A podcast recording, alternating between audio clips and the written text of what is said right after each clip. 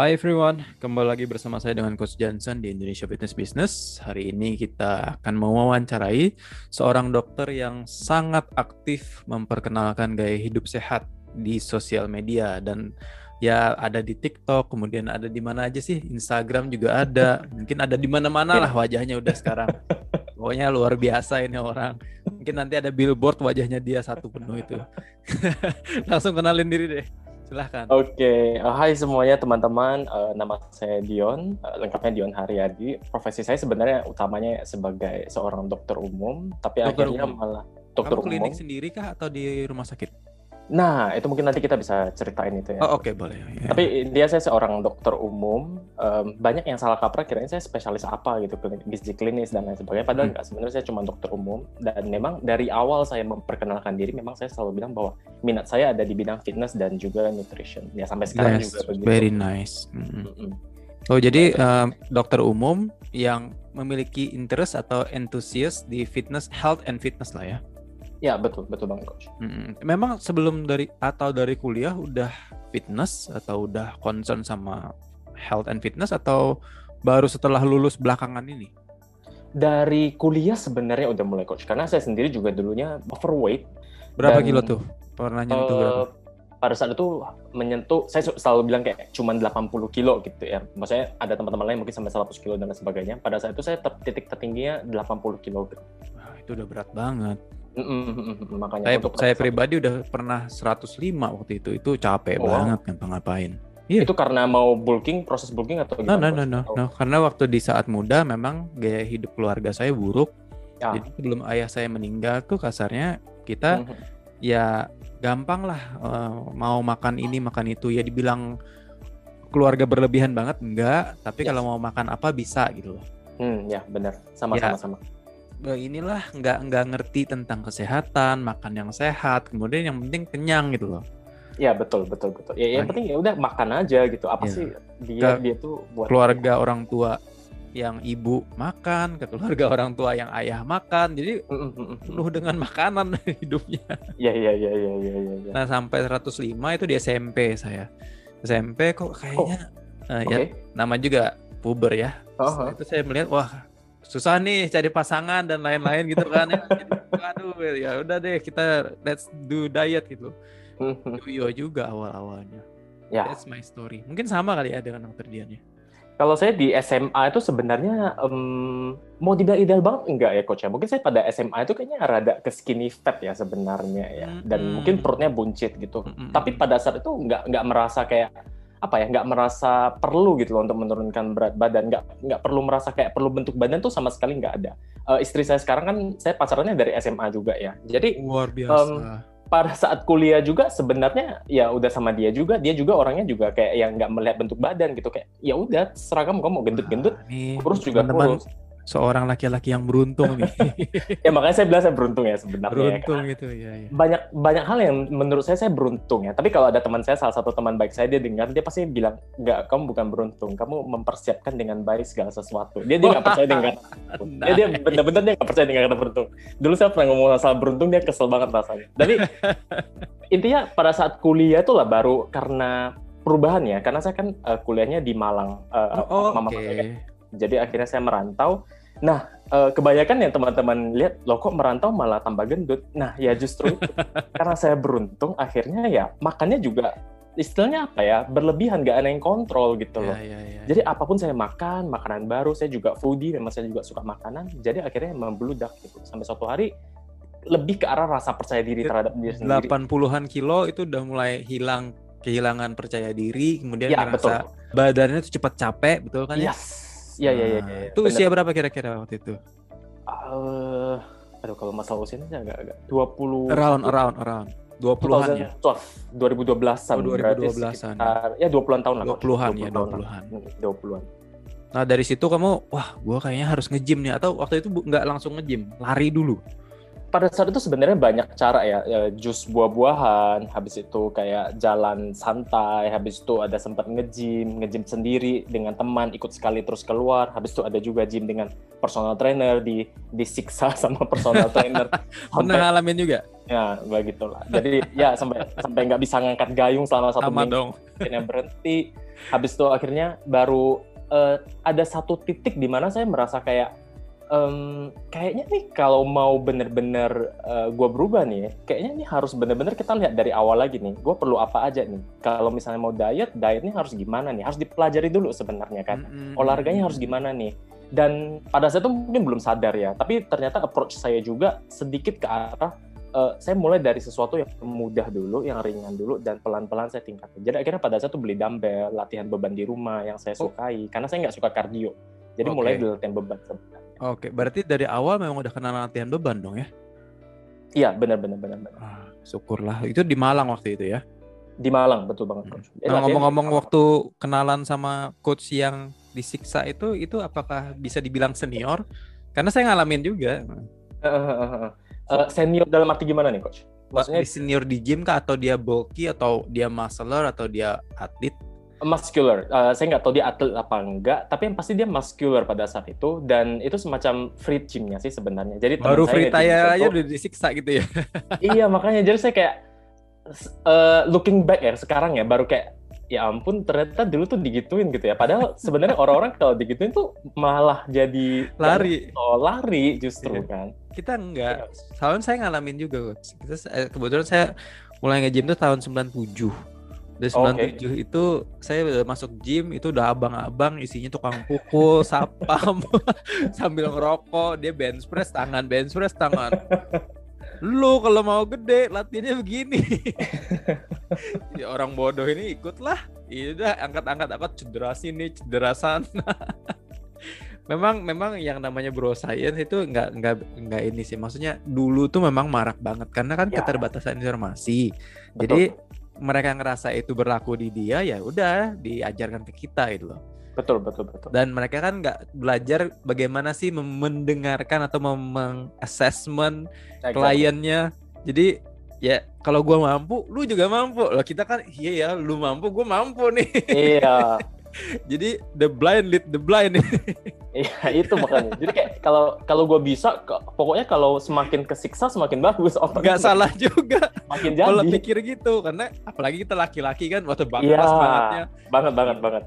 Dia dia bisa, gue juga bisa. Oke lah. Berarti kalau mau nge-gym memang pengorbanannya harus sebesar ini gitu. Iya. Bodoh itu kita dulu pak. Semuanya pasti melalui deh kayak kayak Iya iya makanya tapi ya uh, saya nggak pernah meng, apa ngejelekin mereka gimana pun juga saya dapat banyak pengalaman lah dari mereka. Betul, betul. Dari dari dari yang yang mabok banget deh informasinya. Di situ saya belajar bahwa oh ini salah gitu loh. Mm-hmm. Yang benar seperti apa?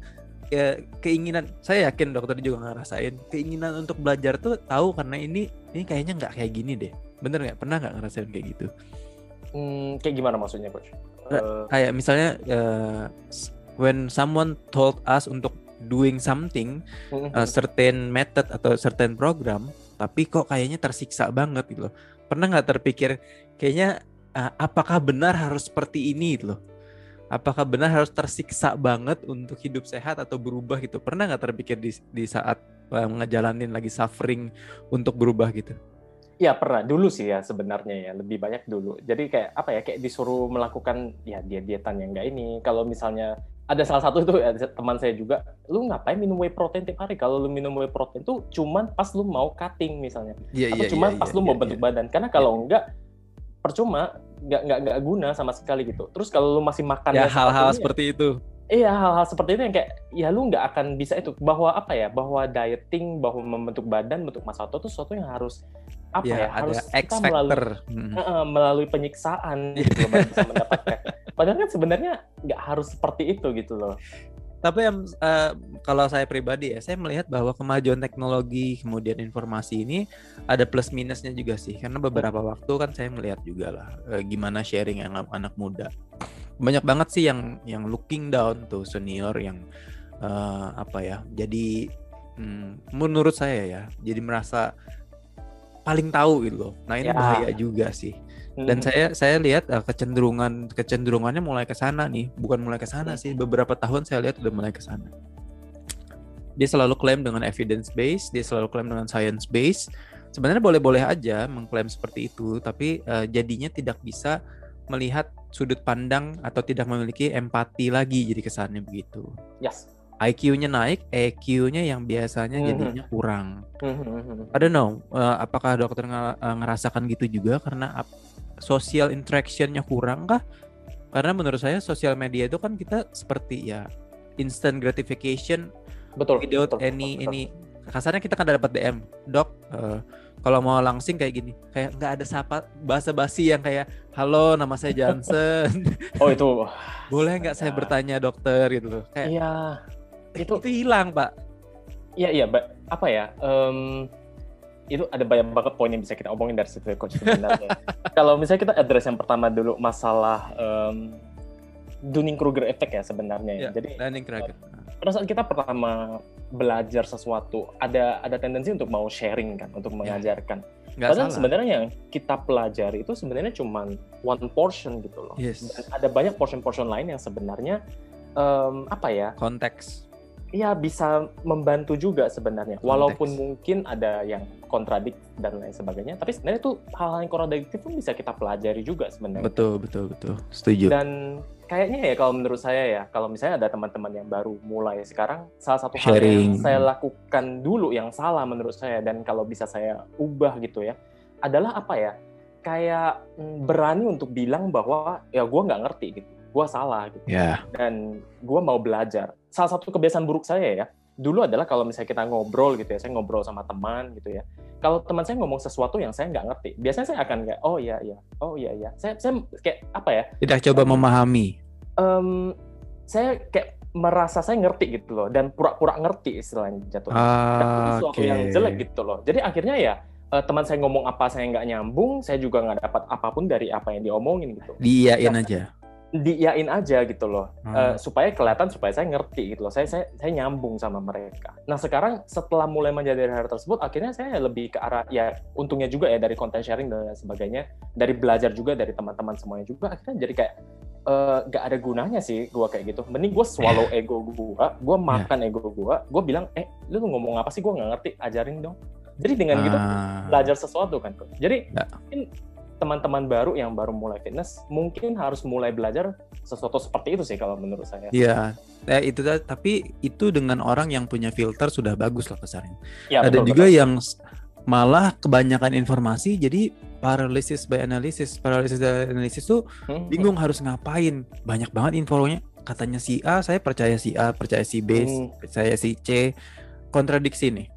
hmm. Dan atau yang di sharing di sosial media itu kan kebanyakan kasarnya tuh ada yang beginner level, intermediate sama advanced level tuh campur aduk deh. Jadi di saat yang beginner aja belum ngerti, tapi mereka udah di terekspos ilmu yang bisa dibilang advance, jadinya ya kasarnya lah langsung functional training tanpa memahami mekanisme eh, mekanisme dari pergerakannya. Contohnya kayak gitu deh. Tiba-tiba Hmm. injury. Jadi Ya. ada ada skip. Skip itu yang bahaya banget tuh. Tapi Iya. nggak inevitable karena kamu belajarnya kan memang media sosial gitu loh. Ya, Ya itu sih. Nah eh, di di tadi kan saya mention yang tentang tidak adanya etika dalam bertanya. Ya saya yakin kamu ngalamin juga. Tiba-tiba ada yang WhatsApp, tiba-tiba ada yang DM, Ya, eh, ya, ya. tiba-tiba kirim gambar. Barusan aja tadi kirim kirim gambar makanan. Boleh nggak sih kalau telurnya setengah matang gini? Ini siapa? Nomornya saya juga nggak simpan, tapi kok nanya gitu loh. Jadi saya nggak Ya, balas, makanya. sudah saya end chat aja. pernah nggak? Saya yakin banget kamu pernah ngalamin begini-begini. Em, banyak sih. Tapi ya ini salah satu keuntungan saya belajar. eh, makanya saya bilang kalau saya di FK ya oke lah ya, maksudnya dapat gelar, dapat ilmu Mm, mm, mm. kedokteran.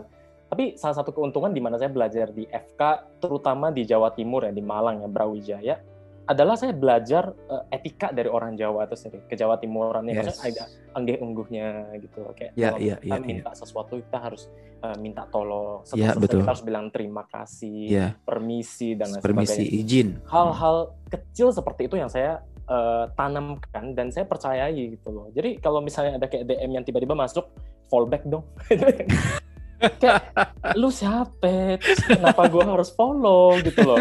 Ini kenapa gitu loh? Kenapa tiba-tiba atau misalnya tiba-tiba masuk saya eh, berat badan segini, tinggi badan segini, saya mau diet ajarin dong. Lah terus yang saya bikin dari kemarin itu apa gitu loh. Tapi kalau DM DM yang masuk kayak uh, selamat pagi, bla bla bla, uh, perkenalkan nama saya ini ini ini ini. Iya iya iya. Saya sudah melakukan ini ini Itu ini. cenderung kalau balas ya? Itu saya balas biasanya karena Ah. saya tahu oh uh, itikat dia baik, dia sudah pernah melakukan at least dan dia sedang memerlukan bantuan. Makanya Iya. saya bantuin dia. Dan dan dia minta dengan baik lah kasarnya begitu kan ya? Ah, dia minta dengan baik, give Hmm. value dulu. Jadi em, apa ya? Mungkin salah satu contohnya dengan saya ke Coach Jensen misalnya dan Hmm. eh, Apki sendiri misalnya. Hmm. Kenapa saya kalau misalnya apa ya? Kalau misalnya saya orangnya kurang etika gitu ya. Kalau misalnya di awal saya pasti langsung kayak eh, Coach Jensen, eh, ini dong, saya mau ikut ini dong dan lain sebagainya. Iya dong." iya iya Pasti- iya iya. iya. Pasti saya langsung minta value kan kepada Iya coach. iya iya iya iya. Tapi itu nggak nggak nggak bisa gitu di dalam diri saya. Saya nggak bisa seperti itu. Kita harus kasih value dulu ke orang. sama coach. Heeh. kita harus kasih value dulu. Jadi eh, apa yang bisa saya lakukan ya untuk membantu Apki gitu? Apa yang bisa saya lakukan untuk membantu Coach Johnson misalnya gitu? Heeh. Barulah setelah itu ya pelan-pelan kita bangun apa ya hubungan kan? Iya iya betul. Ada ada ada prosesnya. Kadang-kadang ada orang yang mau minta ngasih value tapi berharap Ya take take take take take take tapi nggak ada gift-nya. nggak ada gift-nya dan kadang Hmm. ada orang yang ngasih value dengan berharap nanti suatu saat gue mau minta balasan. Iya betul. Ada juga yang seperti itu gitu. Nah itu makanya coach. Dan ujung-ujungnya biasanya disappointment atau kecewa dengan dengan karena berharap itu tadi. Iya benar. Betul. Wow, betul, betul. mindset kita sebenarnya kurang lebih sama deh dan hebatnya lagi kamu masih muda gitu loh. Maksudnya nggak ngalamin uh, asam garam yang terlalu panjang udah bisa sebijaksana ini loh. No Beruntung. wonder, no wonder you are famous gitu loh. Nah inilah teman-teman resepnya kalau mau mau ter- seterkenal bapak dokter kita ini yang hebat ini. Menurut saya sih kamu amazing ya karena waktu di 2012 sampai 2014 di saat saya nah, Apki belum ada. Di saat Mhm. itu memang kasarnya tuh semua media tuh mengekspos nama saya, artikel dari saya semua deh pokoknya eh, dalam satu minggu itu bisa berapa puluh artikel yang Hmm, nggak kutip hmm. omongan saya gitu loh Mhm. dan situ pun saya ngerasa di atas awan gitu kayak wah aduh, Ya, gue ya, gue udah paling pinter deh kayak Heeh. gitu lama-lama setelah beberapa tahun gini amat maksudnya sendirian di atas itu nggak enak juga gitu loh Mhm. jadi dan siapa sih saya? Maksudnya kita cuma bisa menginfluence orang-orang sekitar kita. Paling follower kita 100 ribu lah kayak kamu 200 ribu. Dan nggak bisa ngejangkau 270 juta jiwa. Makanya sebenarnya kalau mau besar ya memang harus uh, go together gitu loh. Itu Iya, iya, iya. nah setelah saya bangun Apki makanya di di di prinsip di Apki itu adalah gimana supaya kita berada di belakang layar dan teman-teman nih yang yang hebat-hebat nih sesuai dengan kemampuannya masing-masing bisa besar gitu loh. Jadi ada ada ada uh, jadi wadah untuk untuk siapa pun bisa berkembang gitu loh. Mhm.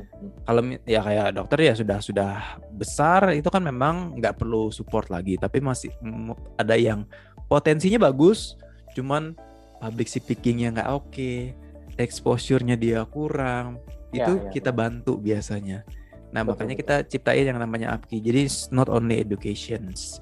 Nah eh, harapannya dokter Ridwan sendiri kan eh, ke depannya tuh apa sih? Maksudnya saat ini kan kamu aktif nih eh, jadi speakers kemudian sharing konten dengan TikTok dan menurut saya itu efektif banget. Karena Mhm. pendengar kamu saya lihat juga anak muda kemudian ibu-ibu Yap. biasanya itu udah kena banget lah. Tapi pasti ada dong harapan ke depannya. Masa nggak gini-gini aja gitu? Ada nggak kira-kira kepikiran Em, sekarang mulai masuk ke dilema di mana maksudnya saya ngajarin tentang ngitung kalori ini udah lumayan lama juga ya maksudnya udah setahun dua tahun gini. Dan mulai sadar bahwa nggak semua orang tuh bisa eh, Ya. ngitung kalori gitu. Dan mulai berpikir lagi bahwa saya orangnya mungkin agak sistematis ya orangnya lebih ke arah data ya. Jadi dengan ngitung kalori saya fine fine aja gitu nimbang makanan setiap hari Nggak saya nggak masalah gitu. Nggak semua orang bisa gitu loh. Jadi udah mulai ke arah kayak gimana ya caranya supaya orang-orang yang nggak bisa ini itu bisa apa ya bisa mendapatkan manfaat dari menghitung kalori ini juga tapi dengan cara yang lebih mudah tapi itu lebih ke arah em, ya ya dilematis sendiri kayak lapangan. praktek di lapangan gimana sih saya harus melakukan yang there. ingin yang ingin saya apa ya kejar gitu sebenarnya dari teman-teman eh, ya masyarakat Indonesia juga ya sebenarnya adalah em, mindsetnya bahwa dieting itu dan olahraga itu Proses. sebenarnya ya proses dan harus dinikmati. Dan nggak bisa apa ya nggak perlu nggak perlu menyiksa diri lah untuk bisa dapat bentuk badan yang lebih bagus untuk bisa dapat ba- eh, badan yang lebih sehat.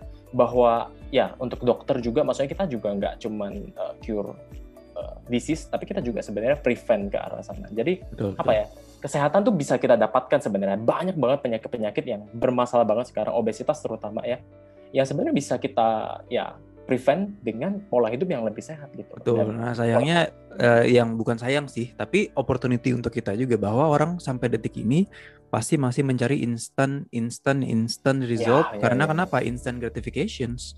Hmm. Karena dengan adanya media sosial, kalau misalnya saya mau apa, tinggal googling. Kemudian ya. kalau misalnya saya mau mau pokoknya semua itu didapat dengan instan. Gitu. Betul. Jadi betul, memang mindset sih. Jadi uh, awal eh, yang kamu bilang dilema tadi saya jadi ingat uh, waktu saya di 2009 2008 waktu kita mm -hmm. mulai uh, intermittent fasting, counting kalori, yeah. uh, uh, cyclical keto keto diet, TKD, technical keto diet apa uh, pokoknya banyak deh. Yeah, iya. hitung yeah. uh, carb cycling sama, sama yang technical sama cyclical kemudian counting kalori dulu saya juga penganut counting kalori. Wow, saya mm -hmm. dulu nggak ada aplikasi cuman handphone di note ditulis semuanya. tulis di Fed Secret, oh USDA dulu inget banget. Oh ngitung manual berarti ya? Yang manual. Makanya okay. sekarang udah nggak ngitung uh, secara ini lagi, teliti lagi karena kita tahu bahwa it's just one of the tools. Ya betul. Apalagi setelah saya bertemu dengan ratusan lah sampai detik ini mungkin ribuan. Ada yang mau, ada yang tidak. Ada yang malah jadi masalah baru gitu Ya, ya, ya, ya. Jadi hmm. another stressful uh, stressful uh, pressure buat mereka untuk menjalani yang namanya accounting kalori gitu. Hmm. Eh, saya yakin uh, ini memang journey kamu untuk bisa menemukan bagaimana cari titik tengahnya. Hmm. Ada mindful eating, kemudian ada density, kemudian ada counting kalori, banyak deh. Hmm. Jadi kita nggak bisa yang mana yang paling benar nih yang kayak gini loh. Nah teman-teman juga pasti uh, ngerasain nih kayak dulu saya jalanin IF ya fine fine berasa enak aja baik-baik aja gitu toh lama-lama jadinya lambung saya makin besar gitu saya susah kenyang gitu pindah lagi breakfast lagi pokoknya memang harus so, soul seeking lah memang pencarian jati diri juga sebenarnya yang namanya betul, diet betul, ini. betul. journey juga sih sebenarnya journey, journey. Gak, gak semua orang kayak cuma stick ke satu pola diet doang kan ya gak, pasti ada satu pola diet yang lebih kita mencondong ke arah sana, tapi pasti kita nyoba-nyobain yang lain-lain. Ya, pasti pasti. Tapi memang harus ada perjalanan juga. Trial error harus ada juga. Dan uh, sampai detik ini ya memang makanya banyak yang bilang the best diet adalah uh, di diet yang you don't feel like dieting gitu. Jadi ya, memang ya. bener-bener ya kamu kayak makan biasa aja kayak yang kamu enjoy aja gitu.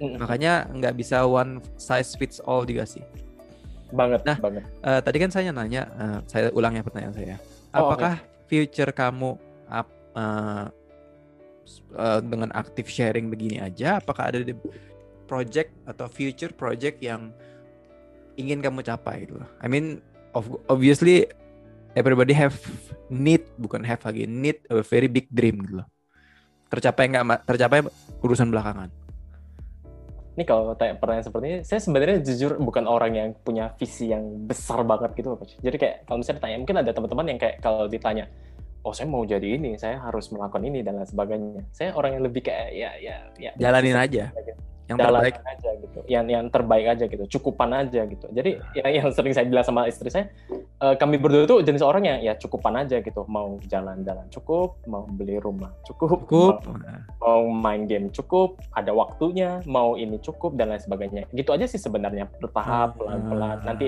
anak sekolah nice. juga cukup dan seterusnya. Jadi yeah, yeah, yeah. lebih ke arah sana. Cuman kalau misalnya dikatakan um, apakah saya nanti ke depan mengembangkan sesuatu? Pasti obviously. Karena apa ya saya berdoa pun sebenarnya saya minta kepada Tuhan untuk ngasih sesuatu yang challenging kepada saya. Emang agak aneh sih. Saya nggak tahu teman-teman lain juga enggak. Tapi saya, saat doa saya minta uh, Tuhan kasih saya challenge dong something. Nah, something deh gitu. Apa pun lah gitu. Kasih saya challenge gitu. Yang saya saya nggak berharap bisa jadi lebih baik, but at least give me challenge. Karena saya tahu kalau kita berhenti di sini doang gitu, itu nggak akan baiknya. Terakhir saya doa seperti itu dikasih anak lagi satu. itu challenge. challenge ya, baru. Anak anak termasuk challenge ya. ya challenge juga. Ya udah, nih lu mau challenge kan dia nih gua kasih ini satu anak. challenge baru silahkan. Tapi ya, gini, eh, setelah saya interview banyak orang lebih dalam juga. Dulu kan waktu sebelumnya uh, yang CFT kan kasarnya tuh cuma ketemu sebentar. Nggak ada ya. ngomong sedalam ini loh. Mhm. Setelah saya interview banyak ngobrol sambil nguji juga saya makin menyadari bahwa yang namanya sukses orang berbeda-beda. Challenge orang juga berbeda-beda Jadi makanya tema dari podcastnya pun berubah nih dari sukses ber berbisnis menjadi why-nya people karena menurut saya why people tuh lebih menarik daripada suksesnya itu sendiri gitu. Journey-nya seperti kamu gini, oh ternyata kamu cari challenge, kamu berdoa untuk dapat challenge. Saya juga, to be honest, eh, bahkan kasarnya ya, kenapa api itu selalu, oh ada ini, ada itu, kok kayaknya inovatif banget itu. Karena tuh yeah, saya nggak yeah, suka yeah. stagnan.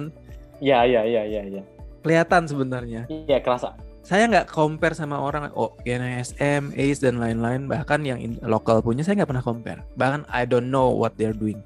Hmm. Mereka mau jungkir balik saya nggak peduli. Yang penting I keep challenging myself.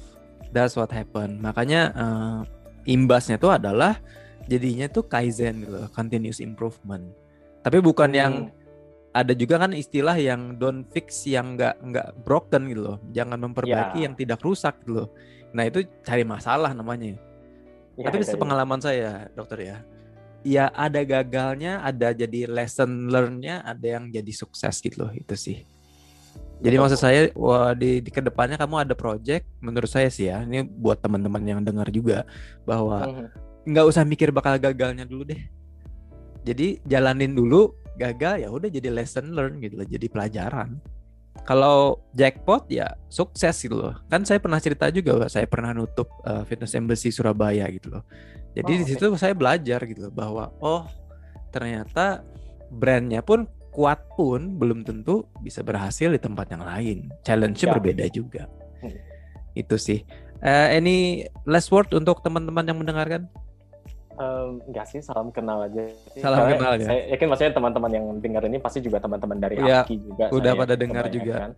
Kalau kalau saya sih senang sih, senang sih maksudnya dengar uh, the other side of Dion gitu. Karena kan saya lihat kamu selalu mengedukasi dengan stylenya kamu lah. Justru yang receh itu yang naik sekarang. yang serius-serius kayak saya gini udah eranya udah lewat. Ya orang belajar boleh secara formal. Cuman kalau saya dibikin receh itu nanti kalian ini ah, apa sih coach Jason ini ngapain sih? Ya. kalian, kalian nanti Bisa heran saya sendiri. bayangkan. kalian nanti heran sendiri lihat saya ngereceh kan. Ya, saya ya, juga ini ini kayaknya saya bukan saya deh gitu. saya akan mempertanyakan diri sendiri ini apa yang terjadi dengan hidup saya kok saya sampai begini loh. Tapi kalau misalnya saya lihat dokter Dion ngereceh itu kayak ya yeah, that's you gitu loh Makanya uh, brandingnya kan coach brandingnya. Iya, dan kamu nyaman melakukan itu. Yes, That's what betul. important. Nah kemarin tuh saya sempat kepikiran mau bikin solo solo podcast lagi tentang being unique sama being special. Most people think they have to be special. Makanya yang Simon Sinek bilang uh, karena di keluarga dia dibilang kamu adalah anak yang spesial, kamu gifted, you are pokoknya spesial, spesial, spesial setelah dia lulus kuliah atau setelah lulus uh, sekolah ternyata dia nggak spesial di di dunia gitu dan ini yang menjadi problem dengan edukasi saat ini sebenarnya bukan masalah spesial tapi you are unique ini dua hal yang berbeda loh ya. unique sama spesial unique artinya you being yourself spesial artinya hmm, hmm, hmm. you are uh, you're better than the other Oke. Okay. kan? Oke. Okay. Spesial kan? Hmm. Spesial itu kan artinya ada ada uh, lebih baik dari yang lain gitu. Makanya yeah, kan yeah, ya. special yeah. price, special menu, pastinya di atas yang yang average. Ya ya ya ya ya. Tapi being unique kan you don't have to be special. Mhm, mhm, mhm. Nah ini mungkin masukan juga sih buat dokter dalam membesarkan anak bahwa kita juga juga jangan sampai bilang anak berlebihan, kamu spesial, kamu pokoknya the best of the best, tapi setelah sampai di dunia kerja yeah kaget oh ternyata saya nggak spesial ya. Di perusahaan itu saya adalah nobody. Tapi kalau misalnya ditanamkan bahwa you are unique so being yourself is the most important itu lebih baik. Paham nggak uh, ya. ininya konsepnya ya? Jadi di dunia bisnis ya. kebugaran juga tidak perlu menjadi spesial. Oh functional training saya pokoknya spesial deh. Jadinya comparing. Tapi kalau unik you stop comparing. Ya itu. Mm -hmm. Jadi spesial ada comparing berdasarkan vertikal ke atas, unik adalah equal. Ini mungkin bisa mendapat ya. sedikit wawasan lah dari pembicaraan hari ini. Iya iya benar benar benar benar. saya jadi nggak jadi bikin deh karena saya udah jelaskan di sini. Jadi untuk teman-teman yang mendengarkan, semoga mendapatkan manfaatnya juga. Itu aja sih. Uh, ya betul. Ada any last word untuk untuk ini, untuk pesan untuk masyarakat mungkin atau untuk alumni bebas? semakin banyak juga content creator, maksudnya salah satunya saya juga ya, maksudnya membagikan tentang tips fitness dan lain sebagainya juga. Menurut saya um, apa ya, memang sudah zamannya seperti itu dan memang kita harus terus mengikuti zaman juga. Jadi mungkin kalau ada ketakutan dari teman-teman untuk apa ya, untuk terjun gitu, untuk melakukannya karena sesuatu Sharing, jangan terlalu ya. takut juga. Karena banyak ketakutan kita yang sebenarnya nggak berdasar gak perlu. Gitu. Ya nggak nggak perlu juga gitu loh uh, buat teman-teman lain yang mungkin sudah lebih veteran, istilahnya sudah lebih senior, ya mungkin uh, sudah melakukan veteran udah ber lama. berhenti, lebih senior lah. ah, lebih senior lah ya, lebih senior. Kalau ya. veteran ya. udah berhenti pak. Iya, lebih senior, sama seperti apa yang coach bilang juga, jangan takut apa ya bahwa oh ada orang baru nih, gue harus patahin kaki mereka nih, gue gue nggak yeah. boleh kasih mereka maju nih. Sebenarnya enggak, justru dengan semakin berkembangnya suatu industri, justru semakin banyak kesempatan yang muncul gitu loh ini juga mindset yang saya dapatkan. Dulu saya lebih ke arah yang ya waduh kok dia lebih tinggi dari gue sekarang ya followersnya?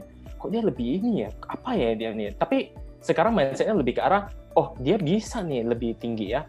Oh mungkin ada sesuatu yang nggak saya lakukan nih. Saya tanya langsung. Saya tanya ah. langsung saya ajak ngobrol langsung saya diskusi sama dia. Maksudnya ya kita ngobrol langsung kita cari tahu apa sih yang ini. Kita belajar misalnya dari APKI sertifikasi hmm, dan lain hmm, hmm. sebagainya.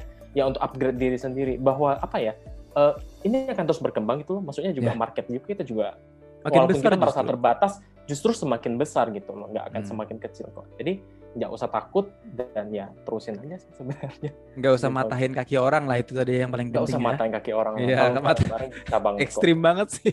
Iya matahin kaki orang sorry. Maksudnya matiin uh, bisnis ya. orang lain. Iya, matahin kaki orang seru banget ya. Pakai barbel gitu. Ya itu benar banget sih karena kebanyakan orang biasanya ya kalau menurut saya saat orang insecure dengan kemampuannya dia akan takut bersaing.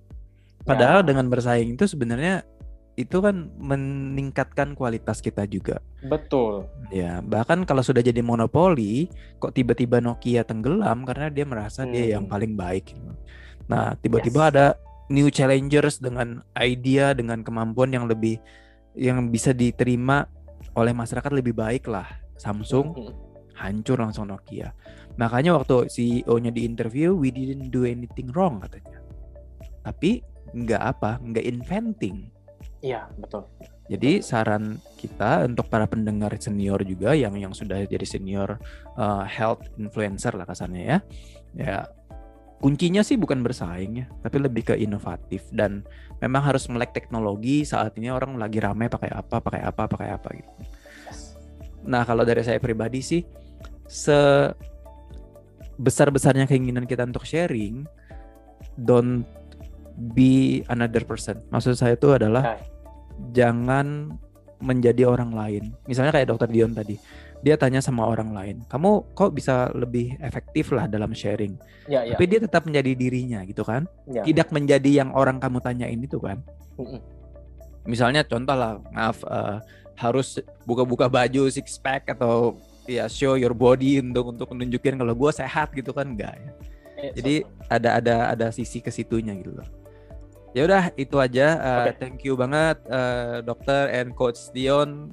We wish you the best Uh, semoga dengan uh, adanya API kita bisa makin membuat credibility kamu naik dan juga uh, anything yang kita bisa bantu just let us know.